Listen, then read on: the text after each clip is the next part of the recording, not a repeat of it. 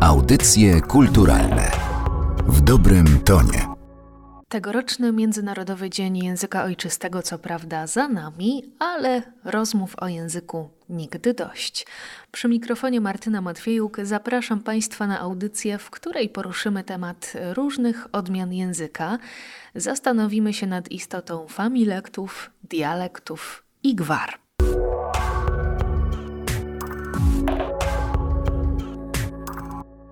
Od dziewięciu lat Narodowe Centrum Kultury prowadzi kampanię społeczno-edukacyjną Ojczysty dodaj do ulubionych. Jej głównym celem jest podnoszenie świadomości językowej Polaków. W ramach tej kampanii dzieje się bardzo dużo, a jednym z jej elementów jest program dotacyjny. W tym roku aż do 29 beneficjentów z całej Polski trafi milion złotych na popularyzację polszczyzny. My w audycjach kulturalnych porozmawiamy dziś z laureatami poprzedniej odsłony programu. Ze mną Joanna Miller i Katarzyna Sołtan-Młodożeniec z projektu Domowy. Zanim zapytam o familekty, zanim zapytam o dziecięcą wyobraźnię, przedstawmy proszę, czym jest domowy i jaka idea stoi za jego powstaniem.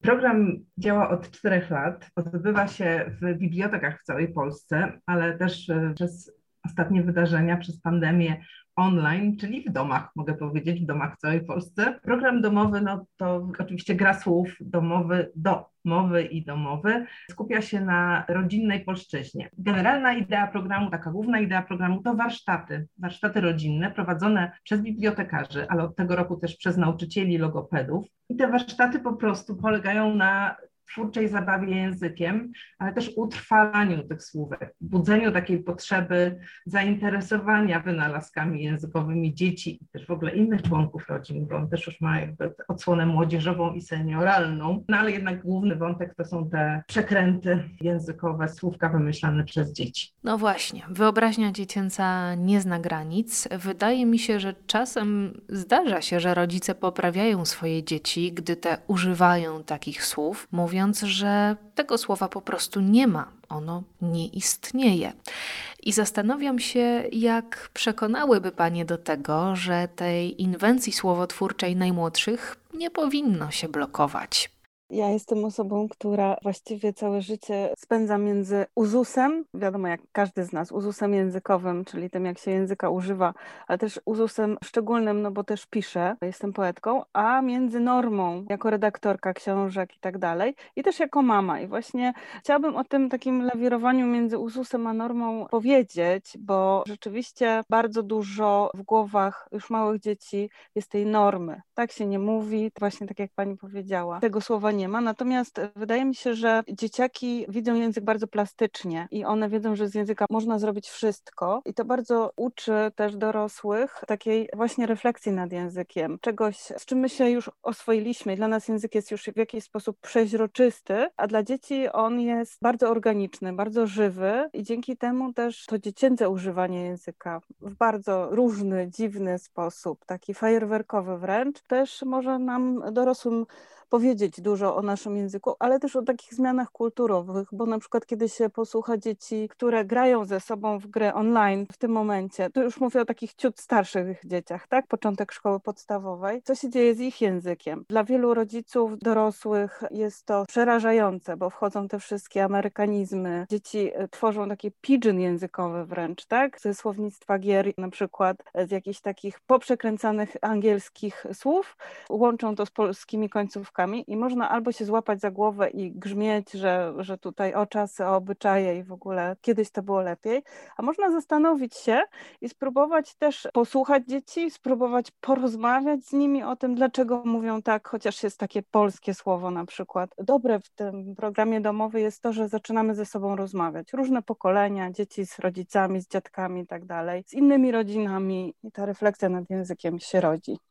Chciałam jeszcze dopytać o ten przedział wiekowy, w którym obserwujemy taką słowotwórczość, bo chyba następuje taki moment, że jesteśmy tak osłuchani, tak obyci już z tym językiem, że nagle potrzeba wymyślania nowych słów ginie rzadko zdarza się, aby dorośli tworzyli nowe słowa na własne potrzeby. Zacytuję tu Wima, który jest mottem naszego programu, czyli dzieci bzdurzą i to, że tak powiem, chcą być bzdurzone, potem im to przechodzi, któremu nie przechodzi, zostaje poetą i to mamy przykład takiej pani, której nie przeszło.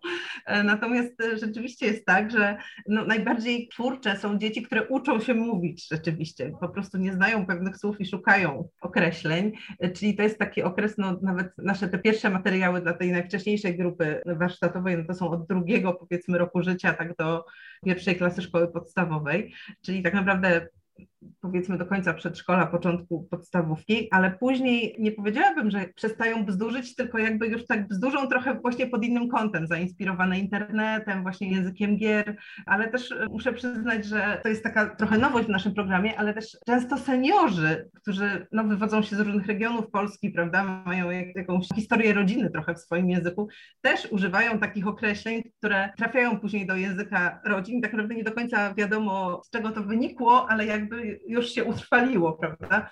Także ci poeci są w różnym wieku, ci domowi poeci, no ale rzeczywiście najmłodsze dzieci są tutaj kapitalne i niezwykle zaskakujące, twórcze i nasz program tak naprawdę jego główna idea jest taka, żeby po pierwsze nie zabijać tego w dzieciach, po drugie przysłuchiwać się temu, no i też zachęcać jakby, zachęcać Wydaje nam się, że taka rozmowa właśnie domowa o języku jest taka łącząca, akceptująca, no i też jakby wydaje mi się, że świetnie przygotowuje do, do odbioru poezji, literatury, też otwiera rodziców, może nawet bardziej rodziców niż dzieci. Mhm. Ale z drugiej strony zapewne znajdą się i tacy, którzy zarzucą familektowi, językowi rodzinnemu, to, że mimo tego, że jest niepowtarzalny, uroczy, bardzo nacechowany emocjonalnie, to jednak bywa krótkotrwały i dotyczy raczej małej grupy osób.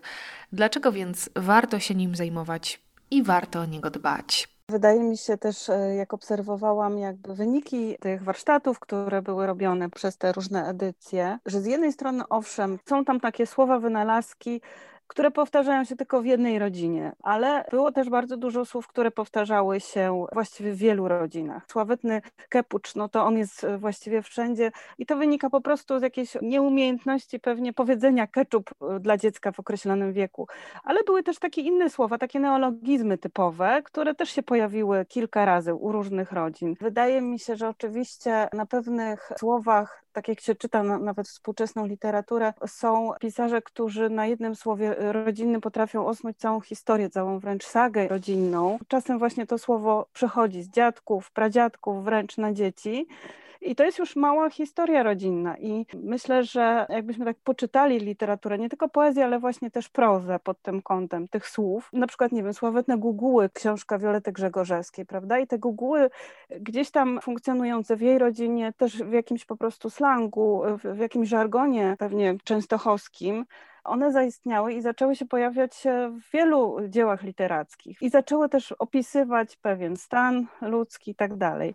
Mówię oczywiście z punktu widzenia bardziej literatki w tym momencie, mhm. ale też wydaje mi się, że na przykład ta sytuacja, kiedy my bardzo dużo teraz czasu dzieciaki spędzamy w internecie i to tak globalnie, to znaczy rzeczywiście, nie wiem, nawet to, że można pograć z osobą, która jest w ogóle z drugiej części Polski, nie znając jej, te słowa też przenikają do siebie i one nagle migrują migrują. To jest troszeczkę tak jak takim dziwnym zjawiskiem, dlaczego w przedszkolu, nie wiem, w Pile i w przedszkolu w Krakowie mówi się tę samą wyliczankę albo tę samą przedrzeźniankę. Jak to się dzieje, że te słowa, te jakieś takie dziwne, jak to mówiłaś Kasiu, bzdurzenia przenikają gdzieś dalej, rozsadzają się, takie rozsadniki słowne. Tym nowo powstałym słowom często towarzyszy spora dawka humoru. Ja sama jako dziecko stworzyłam taki wyraz jodo, to było moje określenie na miód i do dzisiaj zdarza się, że rodzice w mojej obecności użyją tego słowa, co wywołuje u wszystkich od razu szerokie uśmiechy.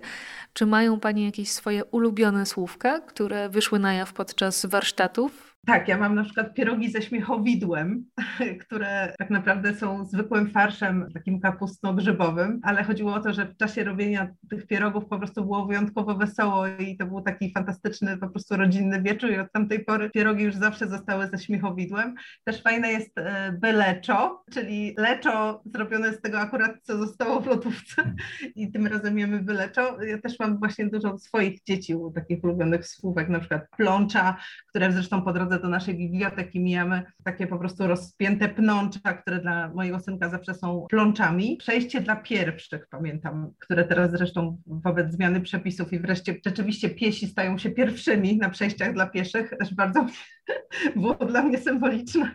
W tym roku w ogóle w domowym mamy taki plan, żeby tematycznie trochę podziałać. To znaczy już nie tylko grupy wiekowe, najmłodsi, nieco starsi, młodzież właśnie wokół języka gier i seniorzy, ale tak mm, przyjrzeliśmy się tym efektom właśnie dotychczasowych warsztatów, których już było naprawdę bardzo dużo i doszliśmy do wniosku, że można właściwie te słowa skategoryzować. Zresztą tak też wymyśliliśmy grę, która jest na stronie domowy ceorg.pl, która jest podzielona na kategorie, natomiast te kategorie są bardzo nieoczywiste. Nie jest to jedzenie, przedmioty, dom, tylko to są na przykład bolenie, ciałki, zajętki, korory, nastroje. Nastroje zresztą to wcale nie są uczucia, emocje, tylko to są stroje, po prostu ubranie.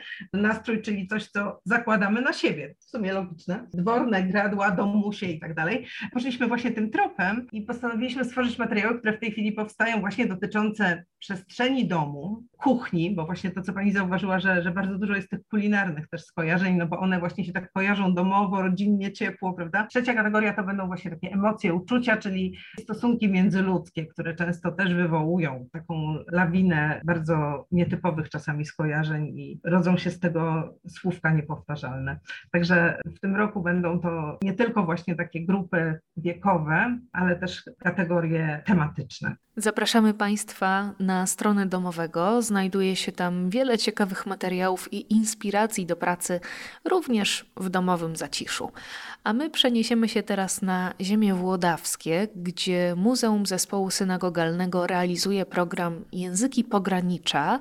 Żeby zrozumieć charakter tego projektu, zapytałam pana Bogusława Smolika, jakie są te nadburzańskie tereny przygraniczne. Szanowni Państwo, wyobraźcie sobie, że znajdujemy się we Włodawie, małym miasteczku położonym na samej granicy. Graniczymy z Białorusią, a już około 6 kilometrów mamy trójstyk i granicę ukraińską. Specyficzne miejsce geograficznie. Tygiel kulturowy, Włodawa, miasto trzech kultur i nie tylko jako turystyczne logo mające na celu przyciągnięcie do atrakcji turystycznych, ale autentyczne miejsce, gdzie żyli ze sobą Polacy, Ukraińcy, Rusini, Żydzi, również osadnictwo niemieckie, holenderskie, w pobliżu Tatarzy, więc jest to miejsce wymarzone do tego, aby je badać, pielęgnować, sprawdzać i dzielić się tą wiedzą z innymi, również językowo.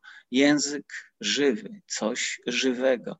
To jest niematerialne świadectwo tego, co się działo tutaj. A wybrzmiewały tu przeróżne języki, przeróżne wyznania, przeróżne kultury. Taki jest nasz cel, zadanie. Mamy bardzo dobre miejsce, należy to wykorzystać.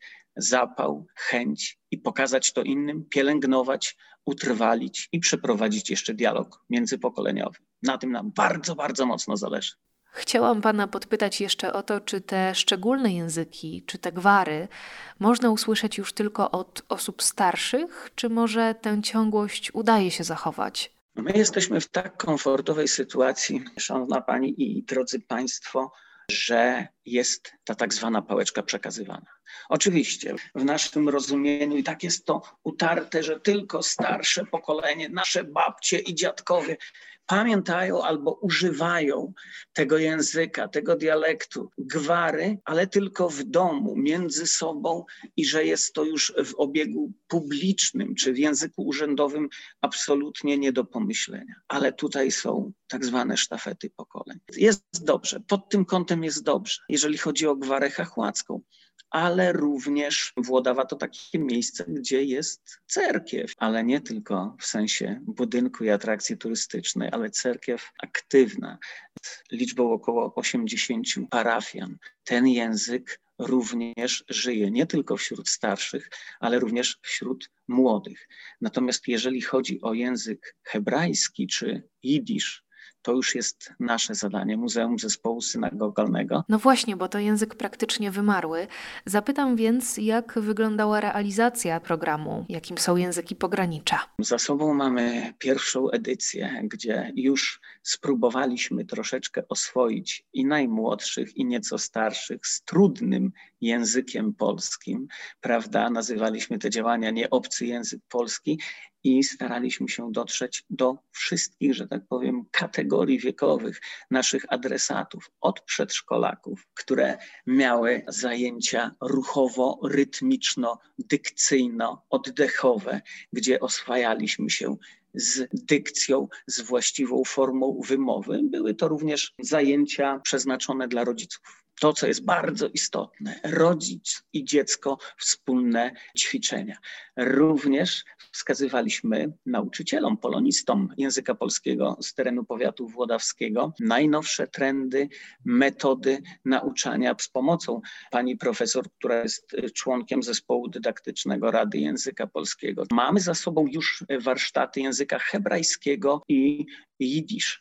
Również spotkanie i przypomnienie z językiem starocerkiewnym. Bardzo mocno zajmowaliśmy się gwarą chachłacką, a więc i warsztaty śpiewu, i tworzenie słownika, jak również tak trudne tematy podejmowaliśmy, stawaliśmy sobie takie wyzwania jak dyskusje, czy chachła obraża, prawda? Co jest dość takim wrażliwym, szczególnie na naszym terenie, punktem, prawda? Tak jak hachłą określano niewyraźną, najkrócej, najprościej mówiąc, niewyraźną mowę rosyjską i to było takie pejoratywne określenie stosowane przez Rosjan w stosunku do Ukraińców, tak jak gdyby można najkrócej określić te korzenie, więc były również dyskusje na ten temat, powiem, że już są pomysły na trzecią edycję, jeżeli ta sytuacja na świecie i w kraju nam na to pozwoli, bo trzeba się jeszcze będzie zająć językiem urzędniczym. Prawniczego już nie zmienimy, ale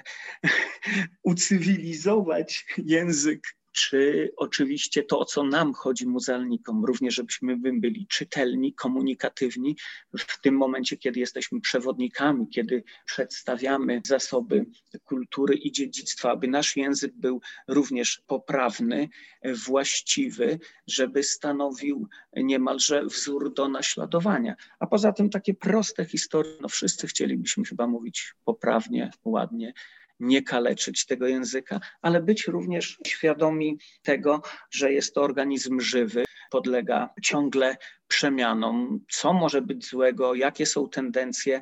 I już na miastkę tego mieliśmy podczas poprzedniej edycji, czyli spotkanie z profesorem Jerzym Bralczykiem. Bardzo ciekawe, momentami przezabawne, urocze, dostępne, ale również bardzo bogate. I więcej takich spotkań miejmy nadzieję w następnych odsłonach. Wiem, że plany na przyszłość już są.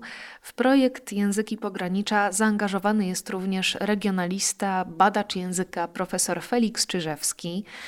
Mówiąc o języku z tych tak zwanych tygli kulturowych, używamy takich określeń jak gwara czy dialekt ale wydaje mi się, że różnica między nimi nie dla wszystkich jest oczywista.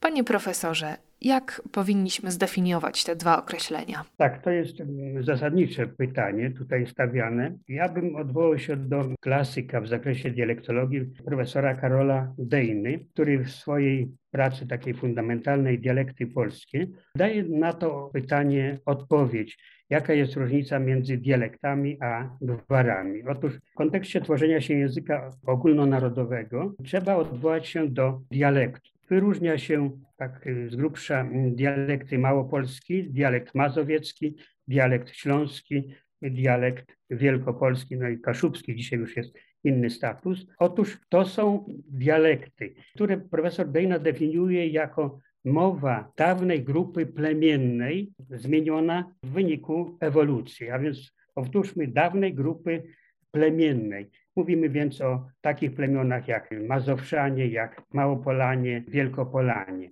I to ich mowa ewoluowała, dając określony typ dialektu. Natomiast gwary definiowane są przez profesora Dejna w dialektologii przyjmujemy jako mowa określonej miejscowości, mowa ludności chłopskiej. Dzisiaj ten termin już jest niejako archaiczny, ale chodziło tutaj o ludność zajmującą się rolnictwem i ludność autochtoniczna. Nie mogę nie zapytać, w jaki sposób te gwary i dialekty są badane. Pierwsze, z czym dialektolog się spotyka, to są badania terenowe, które odbywają się wedle znanej metodyki rozmowy eksploratora z informatorem w terenie. Są to bądź materiały uzyskiwane na określone pytania zawarte w kwestionariuszu dla obszaru nadburzańskiego. Doskonałym kwestionariuszem jest kwestionariusz profesora Pawła Smoczyńskiego, kwestionariusz do badania gwary Lubelszczyzny. To jest jeden typ badań. E, drugi zaś to zapisywanie tekstów ciągłych. Te teksty ciągłe zostały zapisane przez takich badaczy, mówię o najnowszych badaniach, jak przez profesora Grygoryja Arkuszyna. Mamy trzy tomy. Dalej materiały z obszaru Polski przez profesora Bartmińskiego i ostatnio zapisane przez profesora Stefana Warchoła i Czyżewskiego. Teksty gwarowe wschodniej Lubelszczyzny. Tak wygląda ta dokumentacja.